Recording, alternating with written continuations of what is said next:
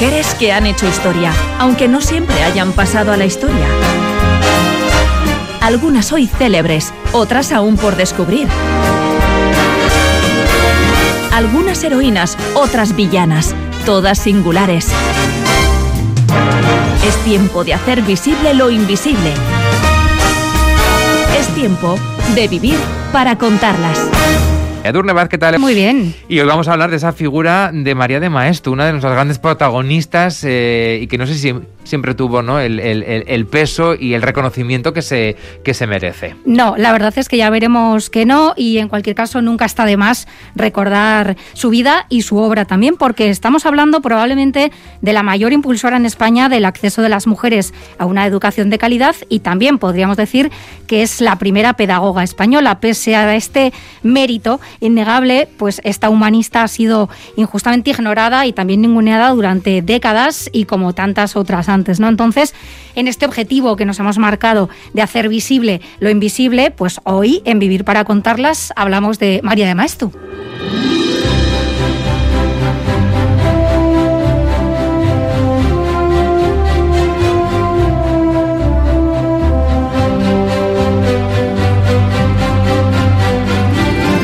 Qué mejor oportunidad que el Día Internacional de la Educación ¿no? para entrarnos en la vida y en la obra de una de las eh, vitorianas más ilustres. Vamos a empezar por ahí, era vitoriana. Encima, para colmo, vecina, para colmo de méritos, ¿no? Pues en este caso, María de Maestu y Whitney nació el 18 de julio de 1881 en Vitoria-Gasteiz, efectivamente, ciudad en la que sus padres, que se habían conocido en París, decidieron establecerse.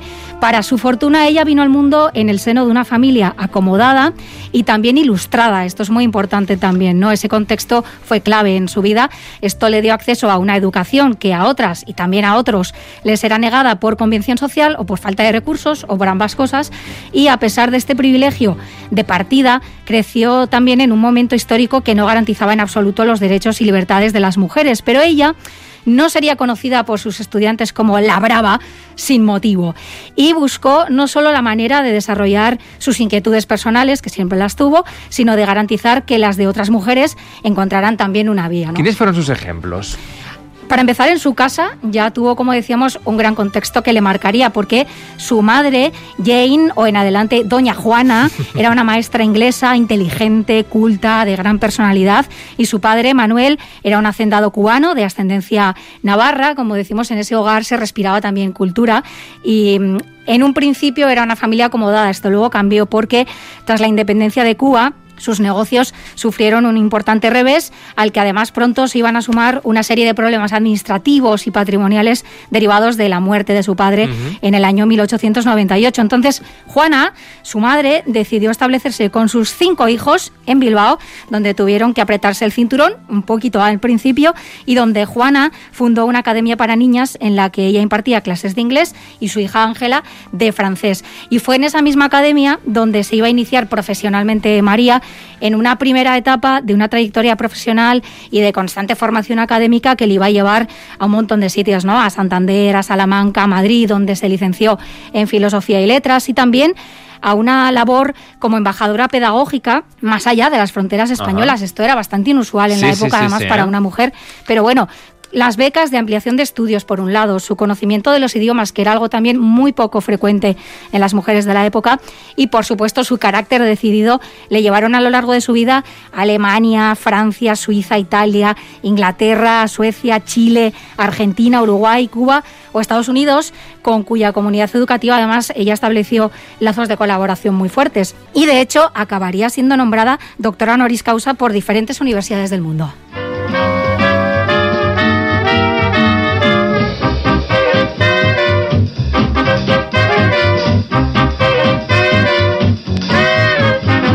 Hemos conocido esos inicios, esos primeros pasos de María de Maestu. Vamos a centrarnos ahora en esa residencia de señoristas, porque participar de la infraestructura educativa existente en la época no fue suficiente, ¿no? Para María de Maestu. No, ella era creativa también e innovadora en todo esto, entonces. Un culo inquieto, diríamos ahora. Sí, y también multitarea. Es una palabra que le podría definir, ¿eh? Porque ella hizo muchísimas cosas a la vez, además, y por eso a veces su salud también se resintió, como se podía dejar ver en sus cartas, pero bueno, en este caso ella eh, organizó y dirigió durante más de 20 años la pionera Residencia Internacional de Señoritas, creada en Madrid por la Junta de Ampliación de Estudios en el marco de la Institución Libre de Enseñanza y se convirtió en su proyecto más personal, eh, equivalente de alguna manera del Instituto Internacional que dirigía Susan Huntington en Estados Unidos también.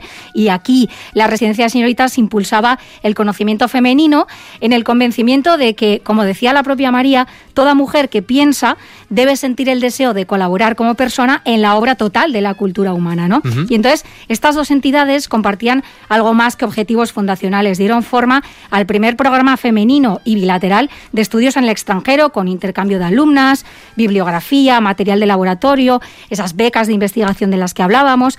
Las puertas de la residencia estaban abiertas a cualquier mujer mayor de 17 años que estuviera en ese momento estudiando en Madrid, preparando su ingreso en la universidad o en otras escuelas formativas, ampliando su formación científica. Allí tenían alojamiento y, esto es muy importante, una formación integral, que era un concepto por el que ella apostó toda su vida, que incluía, entre otras muchas cosas, esas hoy famosas conferencias a cargo de las más relevantes figuras intelectuales de la época y que esto dio además una gran proyección al centro durante los años 20 y también durante la Segunda República. Fijaos que eh, ahí hubo personas pues muy relevantes, ¿no? Tanto locales como internacionales. Porque en esa residencia no solamente, eh, en esa escuela de señoritas, no solamente pasaron muchísimas alumnas, sino que iban eh, grandes figuras ¿no? a impartir clases. Y la mismísima Marie Curie por citar solamente un ejemplo, ¿no? Se alojó en esa residencia cuando visitó precisamente Madrid para impartir una, una conferencia, ¿no? Estuvo con su hija Irene, también estuvo María Montessori, que fue otra gran pionera en el campo de la pedagogía, muchísimas personas, hombres y mujeres relevantísimos en la época, ¿no? Y esta formación integral por la que ella apostaba incluía también pues el estudio de las artes o de los idiomas, eh, actividades culturales fuera de la propia residencia, ir al teatro, conciertos, visitas semanales a museos, por ejemplo, incluso algo que hoy tenemos muy normalizado, pero que entonces era inédito entre las mujeres, como es el deporte, ¿no? Y vamos a ver cómo recordaba su paso por la residencia una de aquellas mujeres, en concreto Conchita Zamacona, en un documental que la UNED realizó con motivo del centenario de la institución y que podéis ver íntegro en YouTube. Yo me fui feliz allí. Era un encanto de sitio. Se vivía estupendamente. Eh, íbamos a la facultad en, una, en un autobús que nos llevaba desde la residencia. Después veníamos a comer eh, después de comer solíamos ir a la biblioteca y a media tarde eh, se organizaba un té. Y el té, teníamos un salón en la calle Fortuny donde había música y entonces era, era para que estuviéramos en contacto las chicas que vivíamos en distintos pabellones. Había muchas extranjeras, había sobre todo norteamericanas, había muchas. Y yo recuerdo con especial cariño a una compañera que era sobrina de, de Rubén Darío y yo hice muy buena relación con ella, que duró lo que duró el curso, hasta la primavera de 1936, que ya nos separamos, pensábamos que nos íbamos a volver a ver en septiembre, y ya no nos vimos nunca más. Un interesante reportaje documental de la UNED sobre bueno pues eh, esa residencia de mujeres una mujer con inquietudes y por eso no compatibilizó de alguna forma su tarea en esta residencia de señoritas que estábamos recordando con la dirección también del departamento de primaria de un, de un instituto, ¿no? De un instituto escuela. El instituto escuela en el que se formaba tanto al profesorado como a los propios alumnos, ¿no? Y que además fue de, algún, de alguna manera un campo de pruebas para futuros eh, métodos pedagógicos innovadores que se aplicarían de forma general. Para ella no era suficiente, por ejemplo, con que los alumnos aprendieran de memoria las diferentes lecciones, algo que todavía no se ha superado, por cierto, a día de hoy.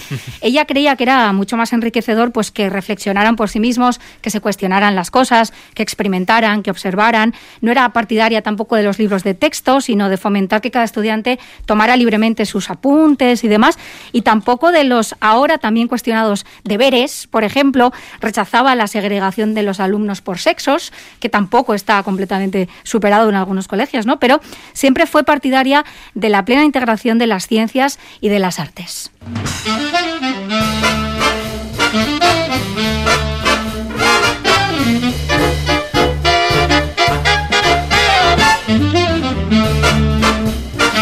Nos hemos centrado en estos primeros minutos en la vida de María de Maestu, digamos, en las aulas, ¿no? En, esas, eh, en ese instituto escuela, también en la escuela para señoritas, pero más allá de, de las aulas, también no confundó y presidió una entidad, una especie de club femenino y además lo hizo eh, Edurne en mitad de un contexto histórico-político muy, muy complicado. Desde luego que sí, porque estaban en plena dictadura de Primo de Rivera y bueno, esto proporcionaría a las mujeres de la época, fuera cual fuera su ocupación o ideología, un entorno en el que pudieran intercambiar opiniones, debatir, aprender, colaborar, mejorar sus condiciones eh, sociales e incluso las jurídicas también, ¿no? Hablamos del Liceo Club Femenino similar a otros que ya operaban en Europa y que estuvo activo desde 1926 hasta la llegada de la fatídica Guerra Civil y en particular de la dictadura franquista, ¿no? Conscientes de que los avances en la educación de la mujer desarrollan su concienciación política y social, este foro ofreció a las participantes acceso a materias relacionadas pues con con todo tipo de cuestiones, literatura, ciencias, música, eh, artes plásticas e industriales, concursos, exposiciones, conciertos, conferencias, también a cargo de figuras relevantes en cada momento. Y de alguna manera, resumiéndolo todo, lo que les daba es la voz que esa sociedad del momento, marcada por la obediencia y la sumisión, recogida por la propia ley, por cierto, y también un veto explícito en los círculos intelectuales, pues se les estaba negando, ¿no? Y bueno, en palabras de la escritora María Alejárraga, de la que tendremos que hablar un día también porque tiene una historia fascinante, bueno, pues se trataba de un rincón con un poco de lumbre, silencio y muchos libros donde las mujeres podían aprender por su cuenta algo de lo mucho que ni la familia ni el Estado se han preocupado de enseñarles. Rodearse de libros es lo que tiene, ¿no? Fundamental en la vida de cada persona. Pero en un capítulo de la serie de televisión española La otra mirada, María de Maestro, en este caso interpretada por la actriz Mercedes Arbizu, visita la Academia de Chicas en la que se desarrolla la trama de esta serie también para dar una conferencia y sus ideas, como pasaba en la propia época, no dejaban tampoco indiferentes a sus oyentes. Solo los sujetos que se desarrollan individualmente pueden contribuir a la sociedad y al bien común. Esto que como filosofía está muy bien, en la práctica estamos aún muy lejos de conseguirlo. ¿Por qué creéis que es así? Las personas, las mujeres en concreto, estamos aún muy lejos de ser independientes. Son otros los que marcan nuestros caminos. Nuestros padres, nuestros maridos, nuestros hermanos, nuestro entorno en general. Creo que es imprescindible que las mujeres antepongamos nuestro desarrollo y crecimiento personal, nuestra felicidad, nuestra formación y nuestros derechos a cualquier otra cosa porque sólo así, hombres y mujeres, podremos hablarnos de igual a igual. Sí. Disculpe, doña María, pero eso que propone no promueve el egoísmo. El individualismo. Pero aunque lo tratásemos como egoísmo, ¿qué problema habría? Que usted estaría animando a seguir un camino poco ético como filosofía de vida. Estamos todas de acuerdo en que la generosidad es algo ético, ¿sí? Sí, claro. Sí, estupendo. Lo mismo que hay una generosidad buena, amable, honesta, hay una generosidad mala que siempre busca algo a cambio. Lo mismo sucede con el egoísmo, Luisa. Hay un egoísmo malo que nos lleva a desear lo que no tenemos, pero hay un egoísmo sano que defiende y protege lo que sí tenemos y que nos hace seres completos y felices. Qué interesantes eh, reflexiones y por cierto muy muy recomendable esta serie La otra mirada interpretada o protagonizada por nuestra Patricia López Arnaiz, que es como una suerte, ¿eh? es una suerte de reencarnación de María de Maestro y además como estábamos comentando, ¿no? que, que aborda temas actuales eh, desde esa perspectiva, ¿no? de, de, de, esa época tan oscura de la historia. Fueron bueno, muchos, ¿no? Los que participaron de esa iniciativa que fomentaba la autonomía, la igualdad y la solidaridad. Y por mencionar algunos nombres ilustres, tenemos al poeta eh, Federico García Lorca o al mismísimo Miguel de Unamuno. Sí, que fue además maestro y amigo de María de Maestu, ¿no? Fueron muchísimos y muchísimas los que participaron de todo esto, pero tampoco faltaron, claro, los y las que criticaron, atacaron con saña y menospreciaron esta iniciativa, como por ejemplo el dramaturgo Jacinto Benavente, quien cuando fue invitado a dar una conferencia en el Liceum aludió a su falta de tiempo haciendo un juego de palabras bastante despreciable que fue a mí no me gusta hablar a tontas y a locas, ¿no? Esa Entonces, es su concepción del género. Efectivamente, eh, ha pasado a la historia la también por esto. Pero estas mujeres aguantaron mucho, fueron calificadas incluso en la prensa de perniciosas, de excéntricas, de desequilibradas, de madres desnaturalizadas que rompían con esa idea del ángel del hogar.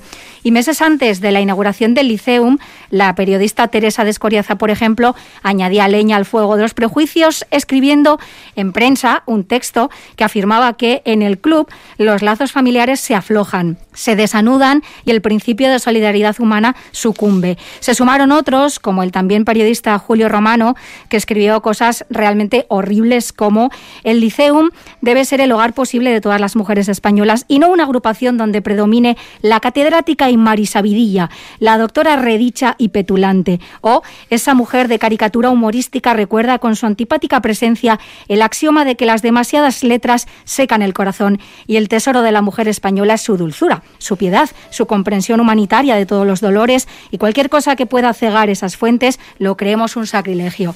Bueno, como veis, eh, eh, fomentar el espíritu crítico no, no, no, gustaba a determinados hombres y también a algunas mujeres. Sí, y esto antes de la inauguración del Liceum, ¿no? Siempre el prejuicio pues ha estado ahí. Antes, durante, después, bueno, pues tuvieron que aguantar mucho, pero como el personaje de María de Maestro en esta serie de la que hemos hablado también decía, ellas estaban dispuestas a pasar por encima de todo eso porque merecía la pena. Mira, si queremos aprender a cambiar la mentalidad de las personas, tenemos que aprender a lidiar con sus reacciones, ya vengan desde las tripas o desde la cabeza.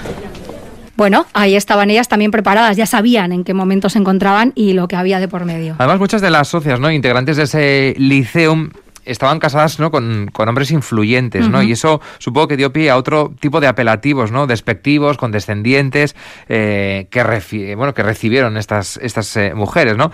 Se referían a ellas como el club de las maridas. El club de las maridas, sí, yo creo que en ese apelativo hay mucho, ¿no? O sea, esa forma de hacer de menos a esas mujeres, como si fueran una extensión de esos maridos relevantes y demás, pero bueno.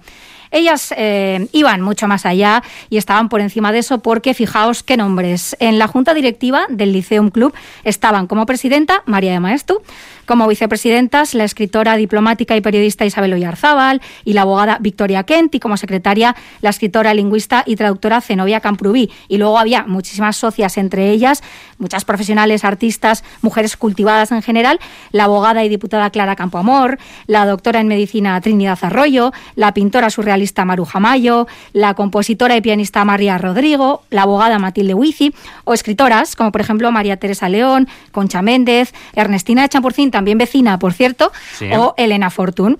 Y la cosa no iba allí de tomar el té, que también la cosa iba en realidad pues de salir de ese aislamiento, de la invisibilidad, de la reclusión forzosa en el hogar. Entre las iniciativas del club, pues por ejemplo, podemos mencionar la creación de una guardería infantil que permitía a las madres dedicarse tiempo a sí mismas y a su desarrollo personal e intelectual, o por ejemplo también una escuela infantil gratuita en la que los niños y las niñas de familias obreras recibían educación, atención médica, una alimentación equilibrada.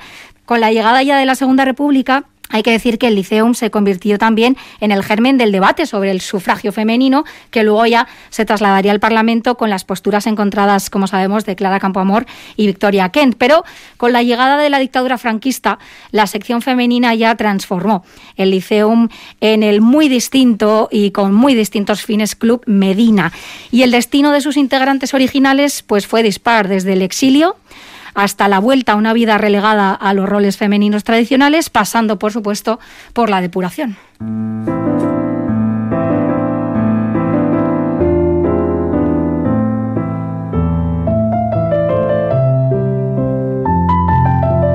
Vamos a ir ya a los últimos años de la vida de María de Maestu, marcados por la guerra civil. Me gustaría saber en qué le afectó y también es cuál, cuál es el legado que, que nos deja.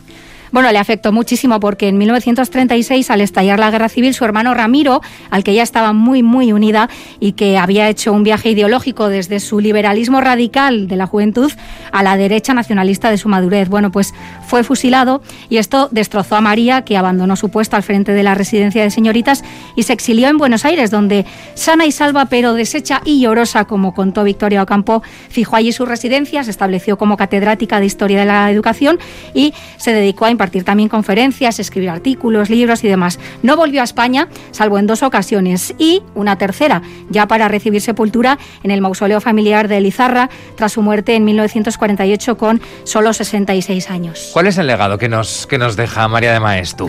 Bueno, pues esta mujer que ha sido descrita por algunos de sus coetáneos como menuda, nerviosa, vibrante, clara, directa, una gran oradora porque dio conferencias durante toda su vida y por todo el mundo, dedicó su vida a garantizar, como decíamos, el acceso de las mujeres a una educación de calidad que permitiera su plena, igualitaria y corresponsable participación en la vida política, social y cultural.